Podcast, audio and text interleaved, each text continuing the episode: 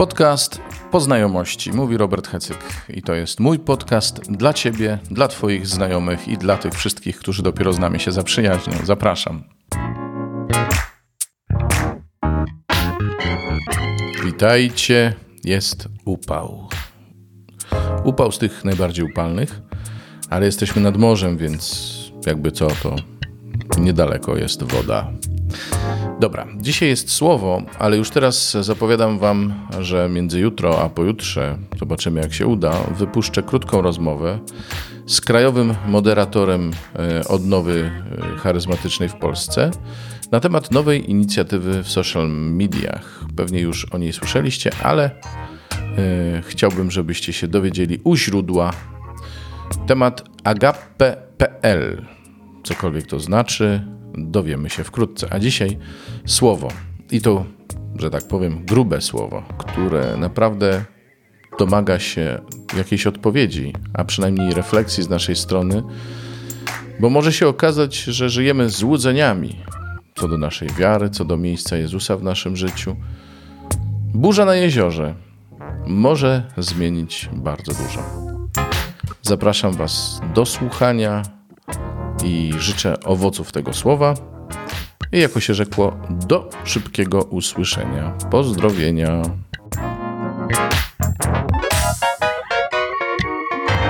Powiem Wam, że jak czytałem sobie te, te czytania, to tak sobie myślałem, no dobra, Ewangelia, klasyka gatunku. To pierwsze czytanie to tak tylko wzmacnia treść tej Ewangelii, ale jak przeczytałem drugie czytanie, mówię, u, grubo.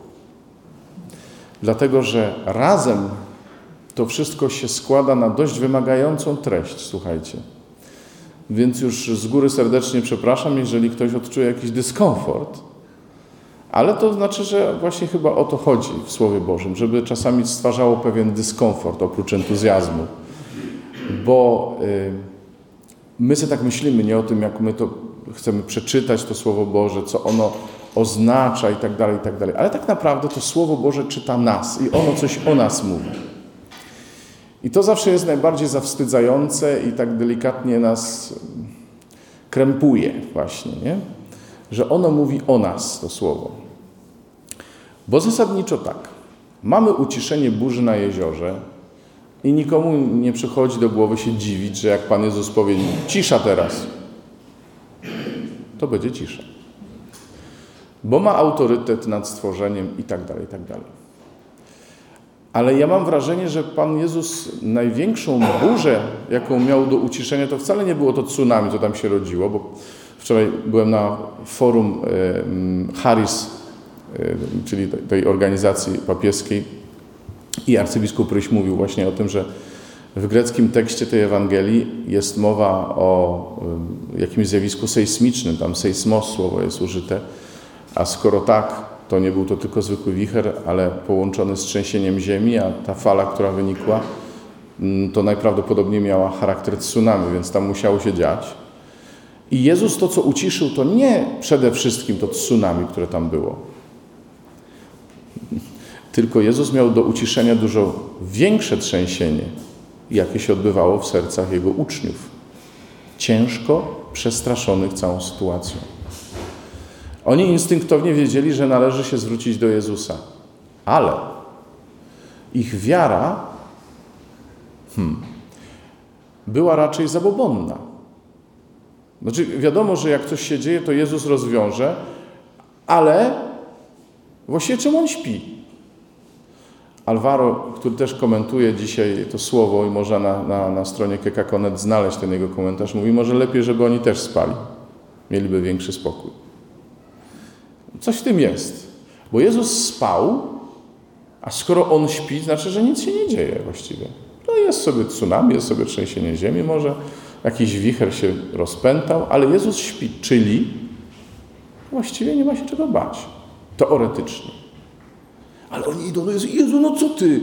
Nic się to nie obchodzi, ogóle my to zaraz potoniemy przecież wszyscy.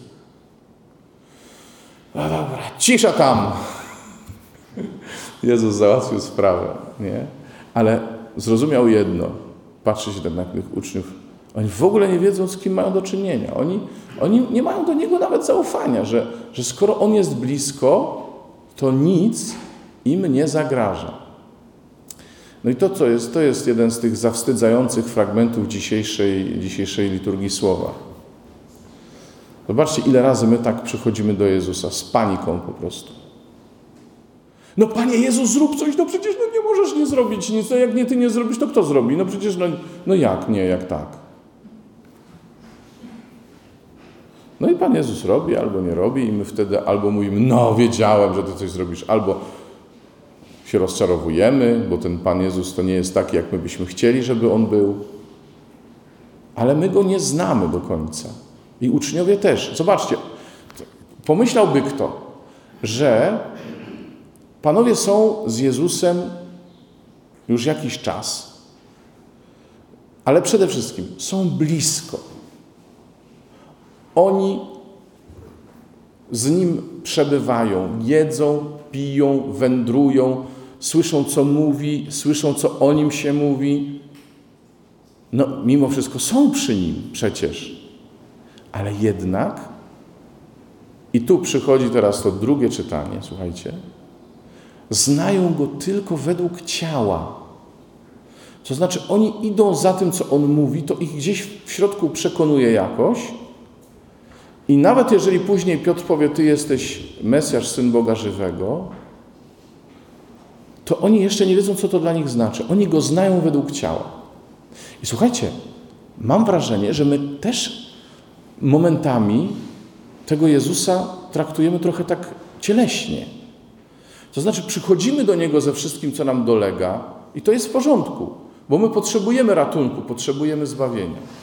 Ale przychodzimy do Niego jakby do kogoś z zewnątrz. Jakby, za przeproszeniem, do jakiegoś bóstwa. A bóstwa są czymś naturalnym. To jest religijność naturalna. Bóstwa, bóstewka, Poganie też mieli swoje bóstwa tam za czasów, a to Pana Jezusa, a to jeszcze za Starego Testamentu, też mieli swoje bóstwa, tam się nacinali, jakieś pokłony, jakieś obrzędy. W ten sposób to się działo.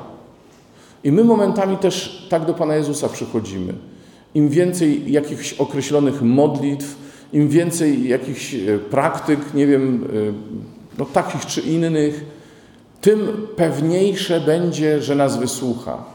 A poza tym, jak mówi jedna piosenka, trudno nie wierzyć w nic. No, to jak tak wygląda nasza religijność, to, to jesteśmy narażeni na wszelkie wichury życiowe. I będziemy sobie myśleć, kurczę, ten Pan Jezus to chyba śpi. I dla nas tak będzie, że On będzie spał. Tylko słuchajcie, czy Jezus śpi, czy nie śpi, to jest ciągle Jezus. Amen. On, czy śpi, czy nie śpi, jest Bogiem. Amen. Powiem więcej, jest Bogiem z nami. Amen.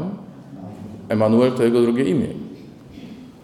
Jest Bogiem z nami, jest Bogiem po naszej stronie, jest Bogiem, który przyszedł dla nas. I dzisiaj tak naprawdę Bóg chce obudzić w nas wiarę w to, że Jezus jest nie tylko Bogiem, jakimś bóstwem, ale jest Bogiem, tym właśnie, jedynym Bogiem i to Bogiem z nami, Bogiem po naszej stronie, nie Bogiem przeciwko nam. Amen. Ja tak do Was mówię, jakbyście w ogóle, wiecie, przyszli skąd, nie wiadomo skąd, ale nie, nie dlatego, żebym nie, nie szanował Waszej wiary, czy Waszego wieloletniego w wielu przypadkach już doświadczenia wiary. Tylko sobie tak myślę, że skoro apostołom się to przytrafiło, a mieli do czynienia z Jezusem we własnej osobie, namacalnym, dotykalnym. I skoro w naszym życiu też się zdarzają różne trzęsienia ziemi i my je ciężko przeżywamy, więc może coś jest na rzeczy, więc może jakiś temat do przemyślenia czy do przegadania ze sobą, z Jezusem jest. Jeszcze Wam dorzucę jedno.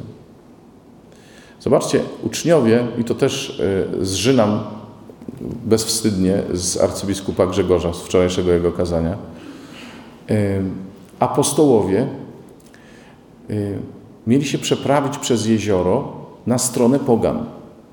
Tam gdzieś, hen. Nie? Przepływali ze strony narodu wybranego, ludu Boga, na drugą stronę, gdzie mieszkają poganie.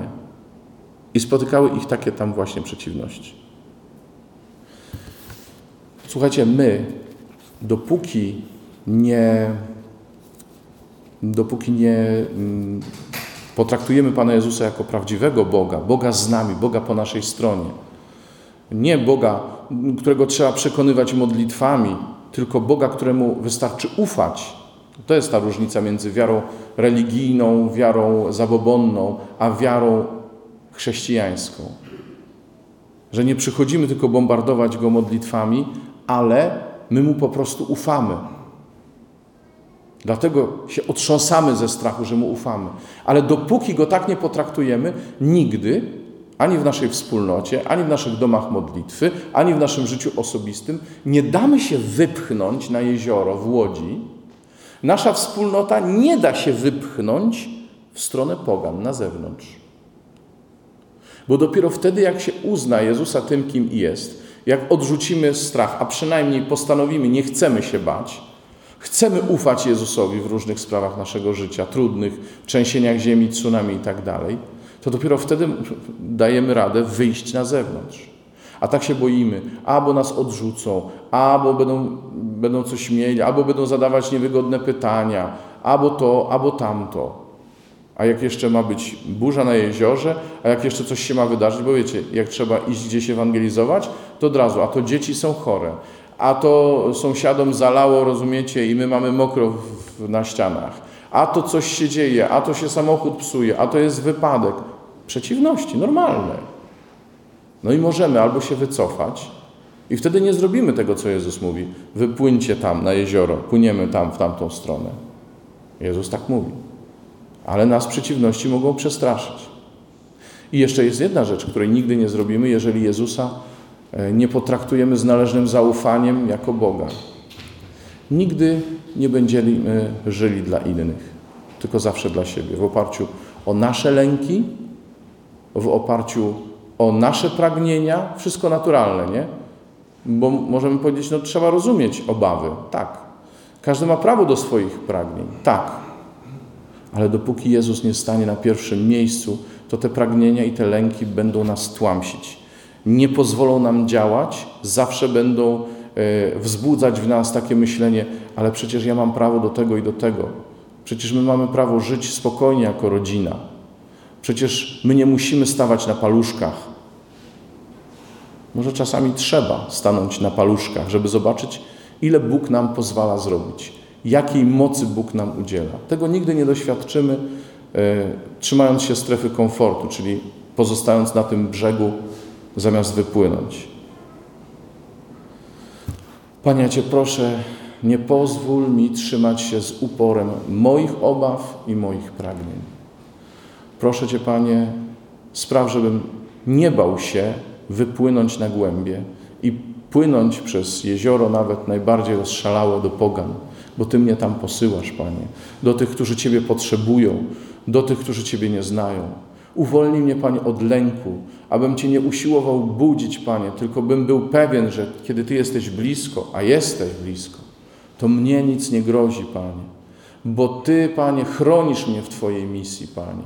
Ty mnie chronisz w misji kochania, w, myśli, w misji bycia dla innych, w misji dzielenia się Tobą, w misji wypływania do pogan, Panie. Ty mnie w tym chronisz. Nie pozwól mi w to nigdy zwątpić. Amen.